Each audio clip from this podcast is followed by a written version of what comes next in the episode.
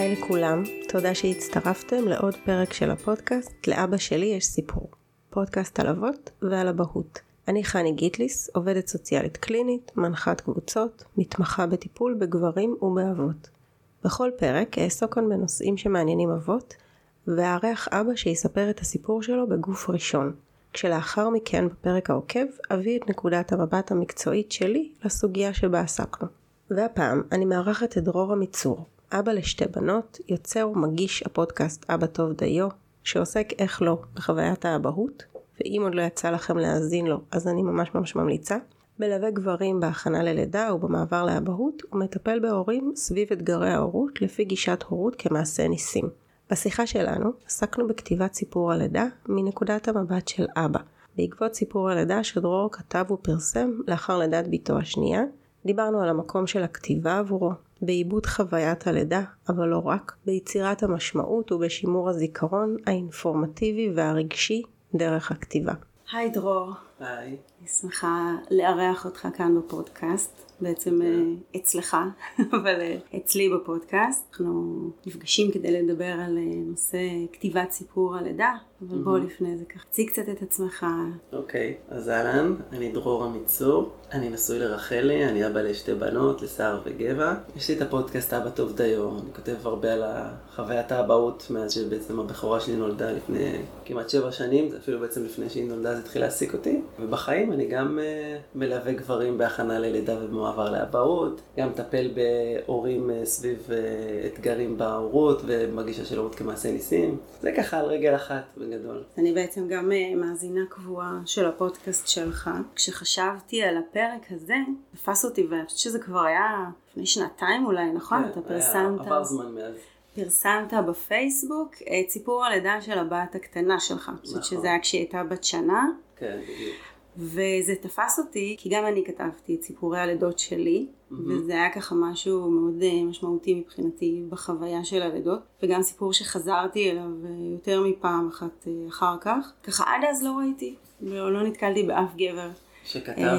שכתב, כן יוצא לי ככה הרבה בקליניקה, באמת אני שואלת ומבקשת מגברים לספר את סיפורי הלידות, זה ככה מאוד מאוד מצא חן בעיניי, והזמנתי אותך לדבר איתך על הנושא הזה של באמת לשבת ולכתוב את סיפור, mm-hmm. סיפורי הלידה. כתבת גם על הלידה הראשונה? בטח, פשוט את זה לא פרסמתי. עוד, עוד לא פרסמתי. בטח כן. ביום הולדת שבע שלה או משהו אני אפרסם את זה. אז אחר כך גם באמת נדבר על הבחירה לפרסם. כן. אבל ככה, נתחיל ככה פתוח, מאיפה בכלל בא לך הרעיון אה, לכתוב את הסיפור, איך זה נוצר?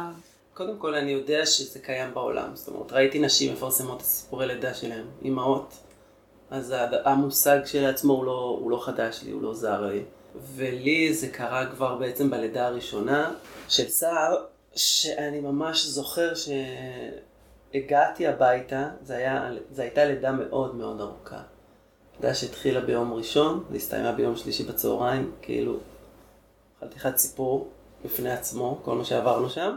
ואז uh, אני זוכר שהגעתי, זה בעצם הגעתי הביתה, כאילו זה היה שלישי כבר בלילה, אשתי נשארה, אמא שלה uh, באה כאילו להיות איתה כזה קצת בלילה.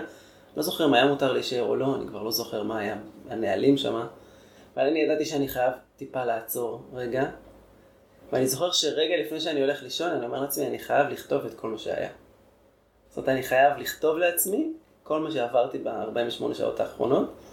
ממש כתבתי לעצמי על איזה דף כזה קטן, כאילו בראשי פרקים וכל זה. כי אמרתי, זה נקודות שאני אחר כך חוזר ומפרט אותן, כי זה היה לי כמו משהו שהוא אה, מאוד ברור, שאני זוכר אותו עכשיו חזק, אבל אני רוצה לזכור אותו לפרטי פרטים.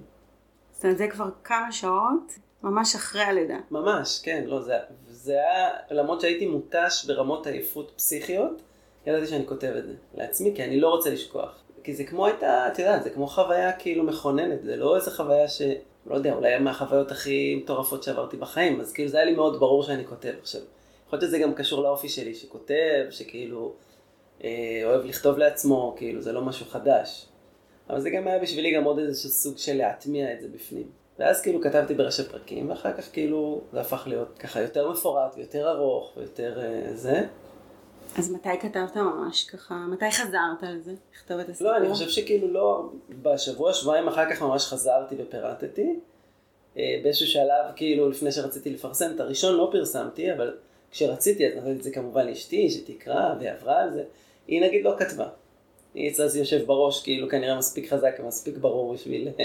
אבל אני כן כתבתי, ואותו דבר אצל ה... בעצם עם הבת השנייה. כאילו, גם זה היה לי ברור שברגע שאני רק מגיע הביתה, ב... או שיש לי את הדקה את האפשרות לכתוב, אז אני כאילו, דבר ראשון שאני כותב, לא משנה מה, איך אני מרגיש ואיך אה, זה. אז זה היה לי מאוד ברור. ואתה זוכר? אתה זוכר את, ה... את הסיפור את? הכתיבה, לא את הסיפור, את הכתיבה. את התהליך הזה של ה... את ה... אה, אני זוכר את ה... אני זוכר שתמיד זה, זה כמו חוויה שיושבת לי בראש. זאת אומרת, הכתיבה הייתה רק להוציא את זה מהכוח אל הפועל, כאילו הסיפור יושב, החוויה הרגשית, כאילו זה אפילו לא סיפור, זה חוויה רגשית כאילו מאוד מאוד ברורה שהיא יושבת חזק. והפרטי פרטים הם כאילו לעשות, להשלים את, ה, את החוויה. אני זוכר עם הבכורה, עם השנייה, אני לא זוכר מתי כתבתי, כי זה היה לי מאוד אינטואיטיבי, כאילו לכתוב, אני לא זוכר אם זה היה בבית חולים או קצת אחר כך. יכול להיות שזה היה קצת אחר כך, כשבעצם בלילה הראשון שהלכתי לראות את סער, את הגדולה, בעצם, ב... אז כאילו, רגע לפני שאני הולך לישון כתבתי. אבל אם נחזור עוד. עוד לסיפור הראשון, כן. אותו לא פרסמת עוד לא בפומבי, פרסמתי פומבי, כן. אבל מישהו קרא אותו? אשתי, ואני חושב שכאילו, בגלל שמעורב בו עוד אדם, בעצם אה, תמר, הדולה שלנו, אז אמרתי, אמרתי לה שלפני שאני אפרסם אני שולח לה גם לראות, כי בעצם הייתה חלק משמעותי ב, בלידה. רק הם כאילו זה, ועוד לא, לא פומבי, כאילו.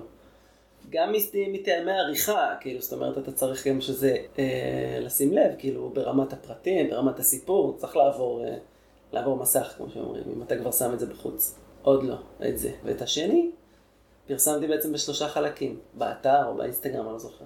איך, איך זה היה לפרסם, להוציא את זה ככה החוצה? היה לי פשוט טיפה חששות של אני לא יודע אם אנשים יבינו אותי. כאילו, גם שאולי זה יראה להם קצת מוזר.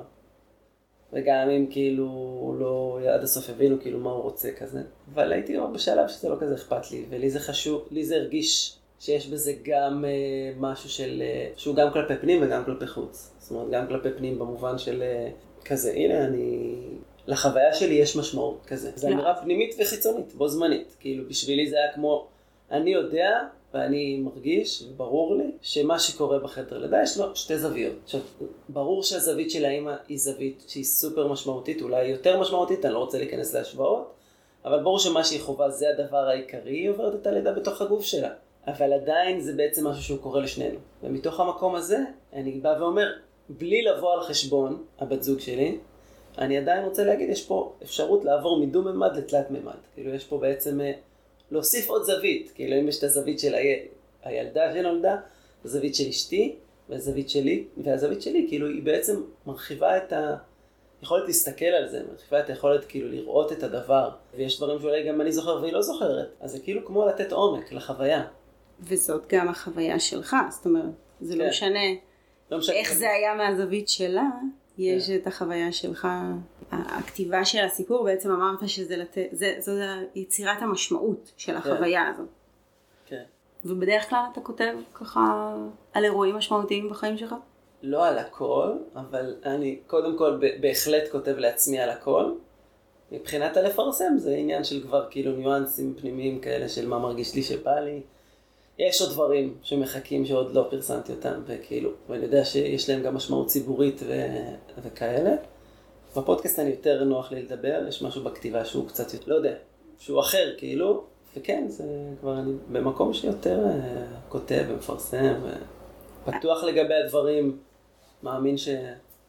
אני חושבת שהסיפור, הכתיבה של הסיפור משמעותית גם בלי לפרסם, זאת אומרת גם אה, אה, נכון, נכון. עבור עצמך. כן, לגמרי, חד משמעית. זה קודם כל כלפי עצמי, בגלל שזו חוויה שהיא נחרטה אצלי מאוד ברור, מאוד חזק בתוך הגוף, בתוך הנפש. אני יודע וזוכר וחוויתי את סיפור הלידה של הבנות שלי, אני כאילו מאוד, אה, יש שם עוגן מאוד חזק, כאילו בסיפור לידה בעצם. כמו טקס מעבר כזה, שבשבילי הוא משמעותי, גם בלי קשר לפרסום, כמובן. אני גם באמת חושבת שיש חלקים ב... בלידה שהם באמת מאוד כאילו של האבא. שיש ייחודיות באמת בלשמוע את זה רגע מהזווית. הרבה פעמים עולה החלק של מיד אחרי הלידה. כן. צריך נגיד אה, לצאת עם התינוק, עם התינוקת, איזשהו חלק שיש פתאום איזו התפצלות, פתאום אתם אפילו לא יחד באותו חדר. הייתה לנו התפצלות. בקיסרי, בראשון. שמה? כאילו על איזה... שבעצם אה, אשתי אחרי, אה, בעצם זה היה לידה שהפכה לקיסרי חירום בסוף. כי כבר לא, זה היה יותר מדי זמן ויותר מדי זה, היא לא רצתה, זה יהיה קיסרי, אבל מתישהו כאילו היה שם איזושהי הבנה כזו שאנחנו חייבים שזה מה שיקרה, ואז זה היה נורא מהיר, זה משהו שהוא לא מתוכנן והוא נורא מהיר ונורא כאילו, אתה לא מעכל מה קורה, פתאום יש תינוק, תינוקת, וכמה דקות אחר כך כאילו היא צריכה ללכת להתאוששות, ומישהו צריך ללכת עם התינוק לתינוקיה, ואני שעד עכשיו הייתי רק איתה באופן אבסולוטי, ואני לא רוצה לעזוב אותה, אני כאילו אומר, וואט, מה אני עושה? כאילו, מה נסגר? עכשיו, ברור שאני, כאילו, למי אני הולך? אני לא רגיל להתפצל לשתיים. ובאמת יש שם נקודת uh, בחירה, ופעם הראשונה, וההתפצלות, בקיצור, זה מורכב. כן, זה ממש הרבה פעמים חלק ככה באמת uh, דרמטי בסיפור, כי פתאום זה כבר לא אנחנו, אפילו אם זה לאיזשהו זמן קצר. כן. בטח בלידה הראשונה, שעוד לא מכירים כאילו בכלל להיות uh, לבד עם... Uh, תינוק או תינוקת ו... והרבה פעמים בסיפור לידה של גברים גם אפשר לשמוע אה, את הדאגה לאישה וככה כל מיני דברים שאם היא מאוד עסוקה בתינוק ובמה קורה כן. בעיקר לא אז הרבה פעמים ככה יש גם את החלק של הדאגה אליה. Mm-hmm. אתה אומר זה התפתח לקיסרי חירום. כן זה היה נורא, זה היה גם קצת מלחיץ כאילו במובן הזה של אה, אני זוכר שראיתי אותה כבר כאילו פחות מגיבה, זאת אומרת, הוציאו את התינוקת, שמו אותה עליי, אני כאילו מרגיש, אני לא יודע איך להרגיש, כאילו, מה, מה זאת אומרת לא יודע איך להרגיש, זה משפט מצחיק, אבל הסערת הרגשות שאני, שאני הייתי נמצא בה, היא כל כך כאילו, קשה להכיל אותה ברמה של להגיד אני מרגיש כעס או עצב או קנאה או שמחה, אתה, אתה מרגיש כאילו הצפה. ואז זה היא, שהיא כאילו כבר, הייתה במצב שבו כאילו, ב... הכרה מעורפלת קצת, כאילו, בתוצאה מהניתוח. קפוא שם בחדר, בחדר אה, ניתוח, קפוא. ואז היא הייתה צריכה ללכת לחדר התאוששות. ואני מראה לה את התינוקת רגע לפני, וכל הדבר היחיד שהיא שמה לב זה שיש לה שיער שחור. ושאנחנו, היא עם בלונדיני ואני עם שחור, כאילו, אז כזה, מה היא דומה לך? זהו, וכזה... ואז הלכתי, כאילו, מצד אחד הלכתי עם, עם הבת שלי, שזה היה סופר משמעותי הרגעים האלה. כי זה היה פתאום כמו איזו התמקמות על העמדה של האבא מהרגע הראשון. ומצד שני, כל הזמן הייתי גם בטלפון, כאילו לראות אם אמא אה, שלה כבר הגיעה, ואם הדולה נשארת איתה, שכאילו היא לא תהיה רגע אחד לבד, כזה, עד שאני אצליח לסגור את המעגל כזה. אתה אחראי על שתיים עכשיו. כן, בדיוק, זה היה ממש כמו תחושה שהלב שלי התפצל, ולא משהו שתכנ... שהבנתי אותו, או שיכלתי לדמיין אותו לפני בשום רמה, וזה מה שהיה. וואו, וגם באמת אתה אומר על החלקים שבהם היא מעורפלת, זאת אומרת שאתה מחזיק את הסיפור, כאילו אני מניחה שגם מבחינתה היה הרבה ערך לזה שאתה כתבת את הדברים.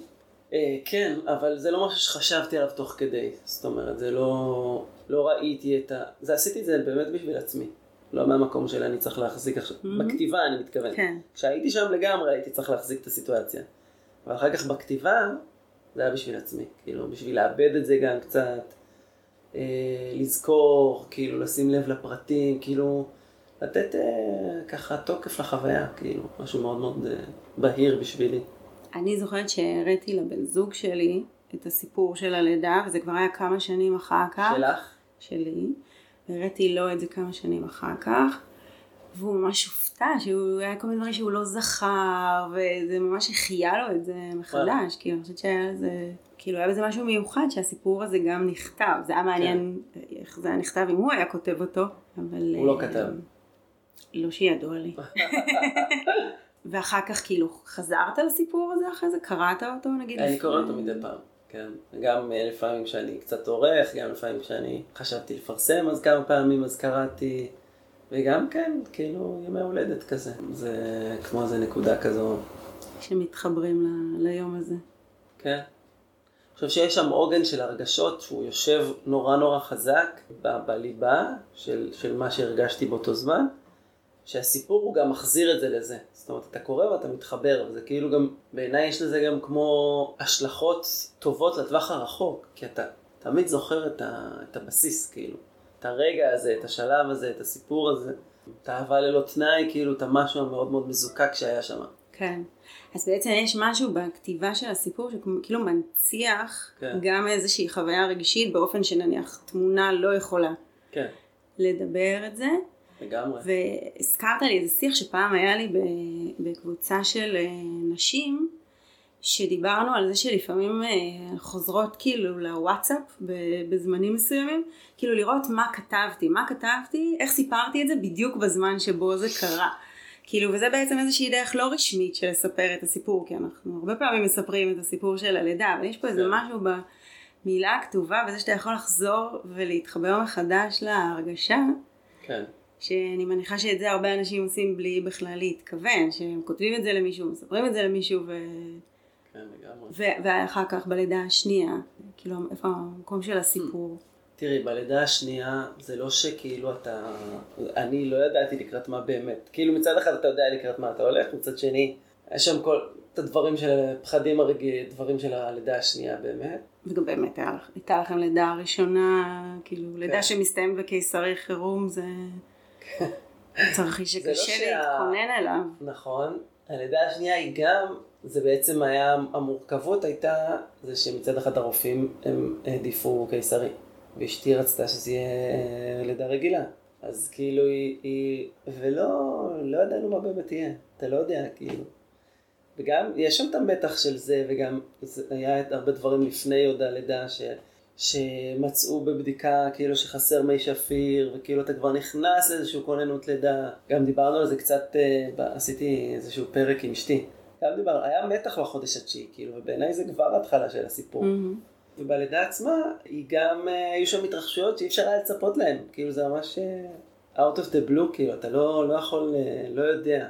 סתם הלכנו לבדיקה ובסוף נשארנו ללידה, וכל מיני, אפשר, אפשר לספר את הסיפור, אבל אני רק זוכר שכאילו, עוד, עוד דבר שנוסף למשוואה זה שיש לנו בת בבית. ובעצם כאילו רגע אחרי שזה הסתיים, וכאילו, ו- ו- והכל היה בסדר, ברוך השם, וטה טה טה, אז אני זוכר שאני נוסע לבת שלי, כאילו היא הייתה בעצם עם דודה שלה, ומדבר איתה ומספר לה וטה טה טה וזה, ומתי שהוא הולך לישון, ואז לפני שאני הולך לישון, אני אומר, רגע, אני כותב את מה שהיה, בשבילי, כאילו, וגם ראשי פרקים שאחר כך כאילו הרחבתי והרחבתי והרחבתי. לא, אז ככה זה היה גם בלידה השנייה. גם לא היה קל, או משהו כזה, כן? הלידה. כן, לא כמו הראשונה, אבל היה אחר. היה אחר. לא לידה קלה כתרנגולת. לא, זה. זה, זה איחולים של אנשים שלא, שלא היו בלידה, נראה לי. כן. לא, לא, יש אה, על, אה, בעצם אימא של אשתי, אז אה, להם יש שישה ילדים. אנחנו באים משפחה של חמישה, אשתי משפחה של שישה. והילדה החמישית שלהם, באמת מישהי בירכה אותה באיזה, זה היה לידה כזאת. שכאילו הם היו במלון, לא הספיקו ללכת לבית חולים והיא נולדה כאילו. משהו הזוי שכזה. כן, אני חושבת שגם לידת כן. בזקי לא בהכרח אה, נכון. פשוטה. כן, לגמרי. וככה אמרת שאתה באמת מלווה גברים בהכנה ללידה ובמעבר לאבהות. כן. אז הסיפור לידה והכתיבה נגיד, או העיבוד של הסיפור זה גם חלק מהתהליך? לא באופן רשמי, זאת אומרת זה לא משהו שאני שם עליו איזשהו פוקוס, כאילו בטח לא בא לא בהכנה, יותר כאילו במובן של להציע את זה כאפשרות. כי זה עניין של אופי בסוף, כאילו בעיניי. זה, אה, יש שם אה, דבר, דברים אחרים שכאילו מבחינתי יותר קריטי או יותר חשוב לשים עליהם דגש, זה יכול מאוד להוסיף. כי אני רואה את זה כהרחבה שיכולה ליצור עוגן אחר כך לחיים, אז זה לא משהו שאני אה, תמיד אה, מציע אותו, זה נורא מתאים כאילו תלוי בן אדם, תלוי כאילו גם מה הוא בעצם מבקש ממני שם בתוך התהליך. וגם בהכנה לאבהות, זה שוב, זה משהו שהוא מאוד יכול בעיניי אה, לשרת ולהשפיע לטובה, אבל גם לא הנושא המרכזי כאילו, שאני שם על הפוקוס. בעיניי זה כמו, אני רואה את זה כבונוס, כאילו בונוס שיכול להיות נורא משמעותי, אבל, אבל בונוס. אבל כאילו יצא לך לקרוא עוד סיפורי לידה של אבות? קצת, אבל לא, גם לא באופן שאני מכיר אותם, לא באופן, אה, יש ספר, לא יודע אם שמעת, אה, שמישהי שכאילו עשתה קבוצת כתיבה לגברים, כאילו... של ענת הררי. כן. קראתי אותו שלוש פעמים. אז, אז שמה, משם אני מכיר, כן. לא... אה, לא מי ש... כן, לא משם זה ספר כן. אה, כן, מעולה, אני גם מדבר עליו בפרק העוקב, וגם עכשיו קניתי אותו מתנה לקולגה שעומד להפוך לאבא.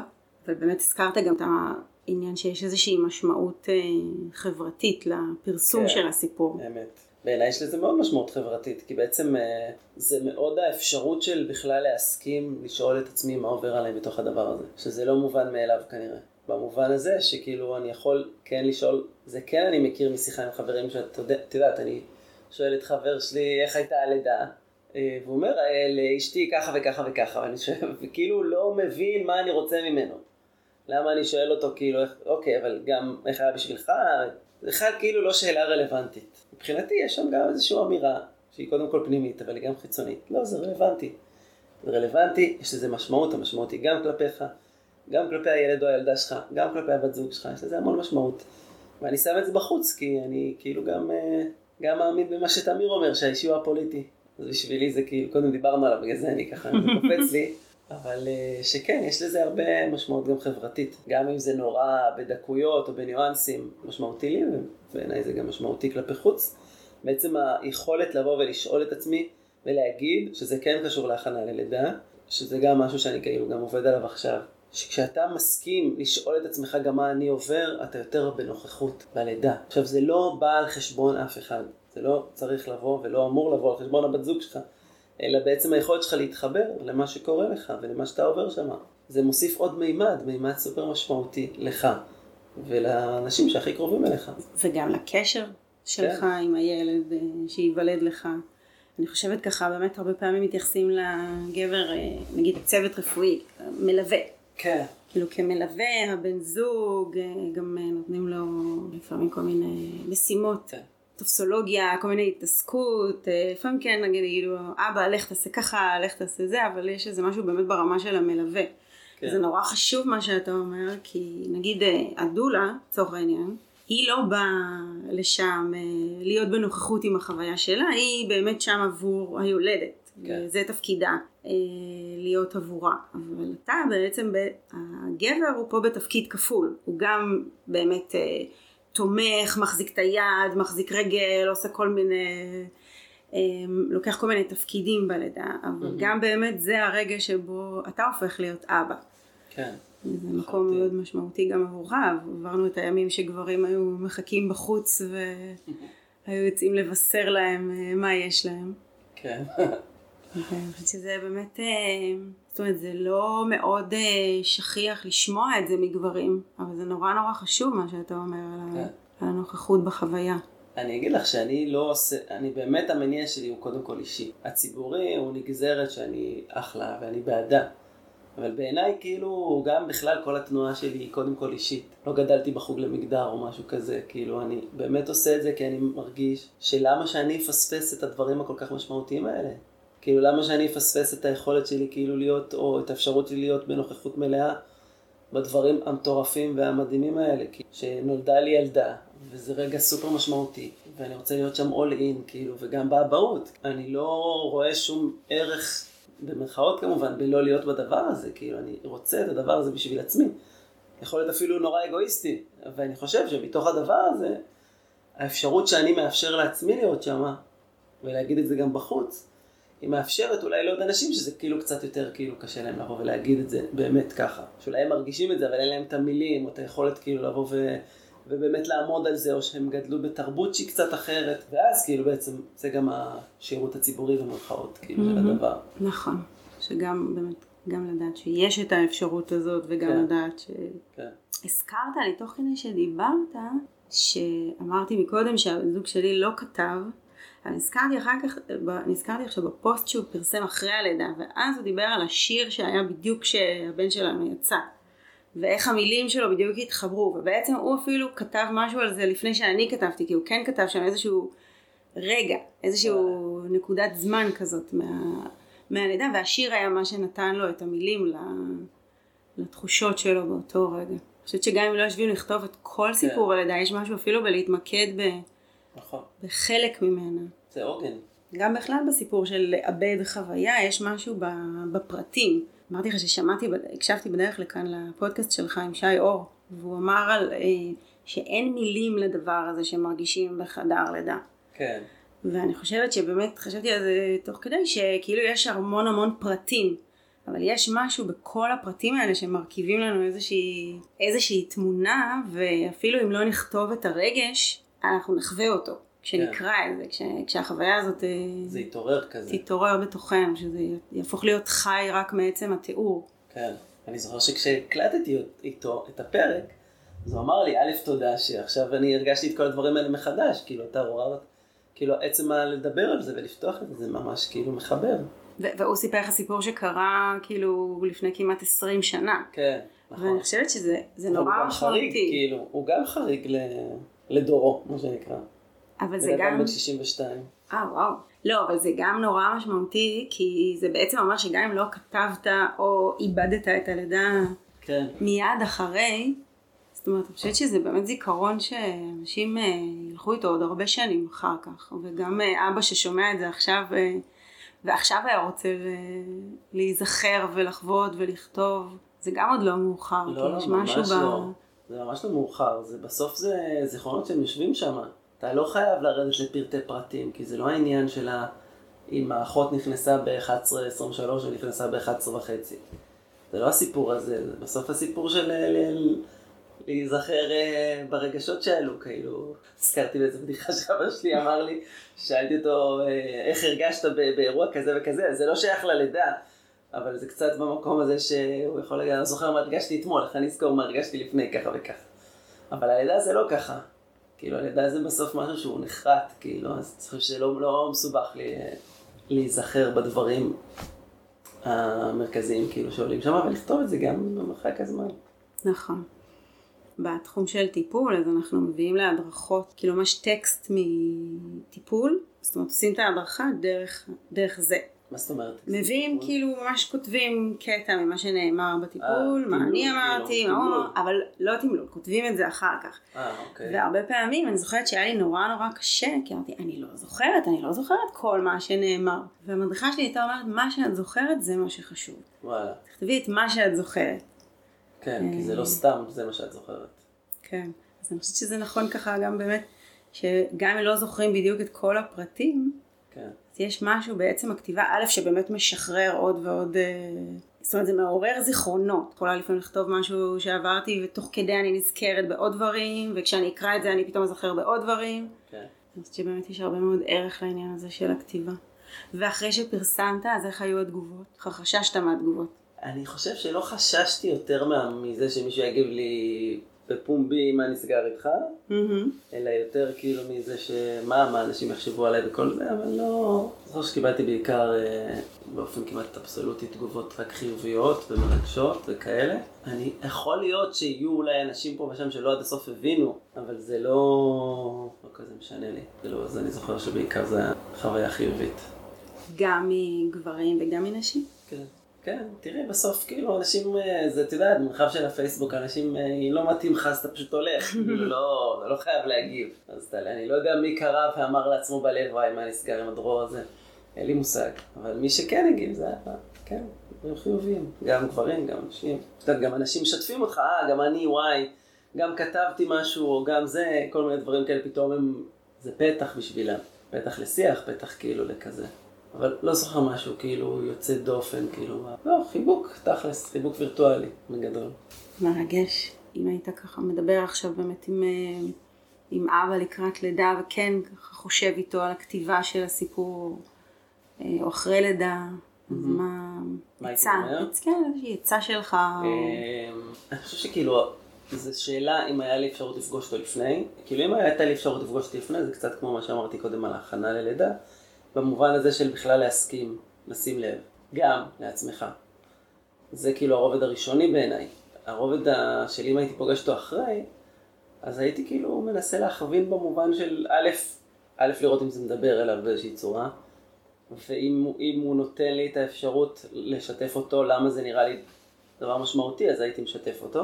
ואחרי זה, אז כאילו, אם, אם היה מבקש הכוונה, אז כאילו הייתי בעיקר שם את ההכוונה על, על תחושות, תחושות גוף כאילו, אם הוא זוכר שהן תחושות גוף ספציפיות. אה, למשל, אה, כמו שנגיד לי יש רגע שאני זוכר ממש אה, מהלידה של הבכורה, שבאו לשים לאשתי את האפידורל, זה היה שלוש בלילה והמרדים היה נראה לי כאילו גמור, ואני זוכר שפיזית הרגשתי שאני עוד שנייה מתעלף, כאילו.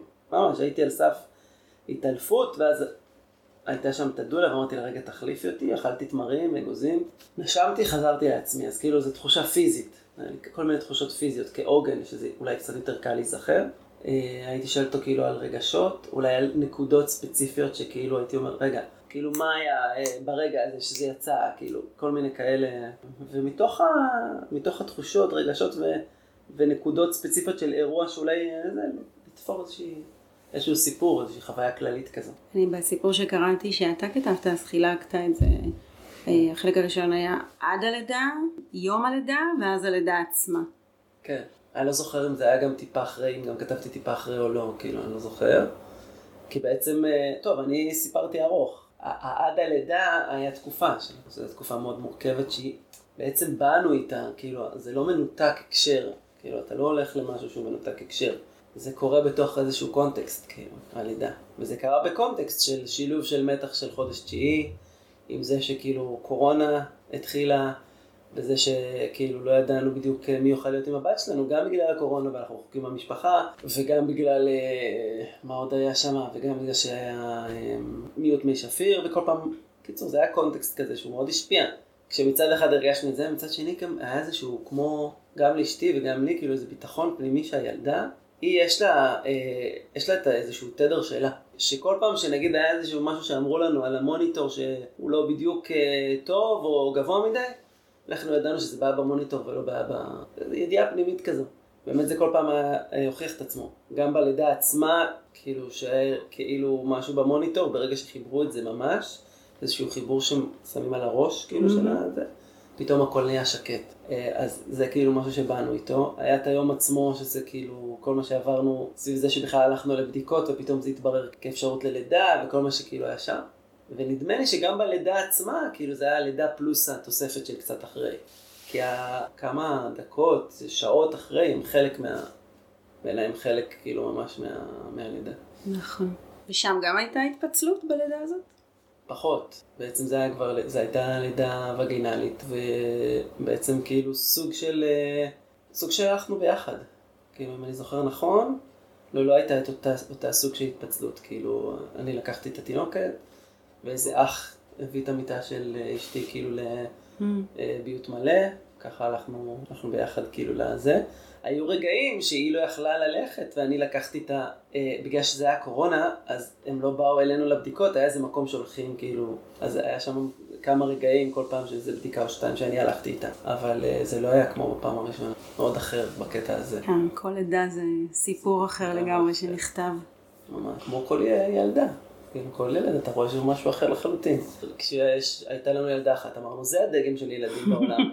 זה מה שיש לנו, פתאום אתה רואה יצור אחר, אין קשר, כאילו, יש קשר אבל שונה לגמרי. טוב, אני שמה לב שיש לי לחלוכית בעין, הסיפורי לידות זה, זה עניין מרגש, תמיד ככה, יש בזה משהו ש... מאוד מחיה זיכרונות, אני שמה לב כאילו איך אני עוצרת את עצמי מלהגיד וואי ואצלנו היה ככה ואצלנו היה ככה ו... כי אני חושבת באמת, אה, לא יודעת איך, איך זה אצל גברים מעניין, כי אצל נשים כאילו נפתח אה, סיפורי לידה, זה ממש כאילו, ה... זה מורק, זה לשבת כן. ולספר את סיפורי המורשת שלנו. אה.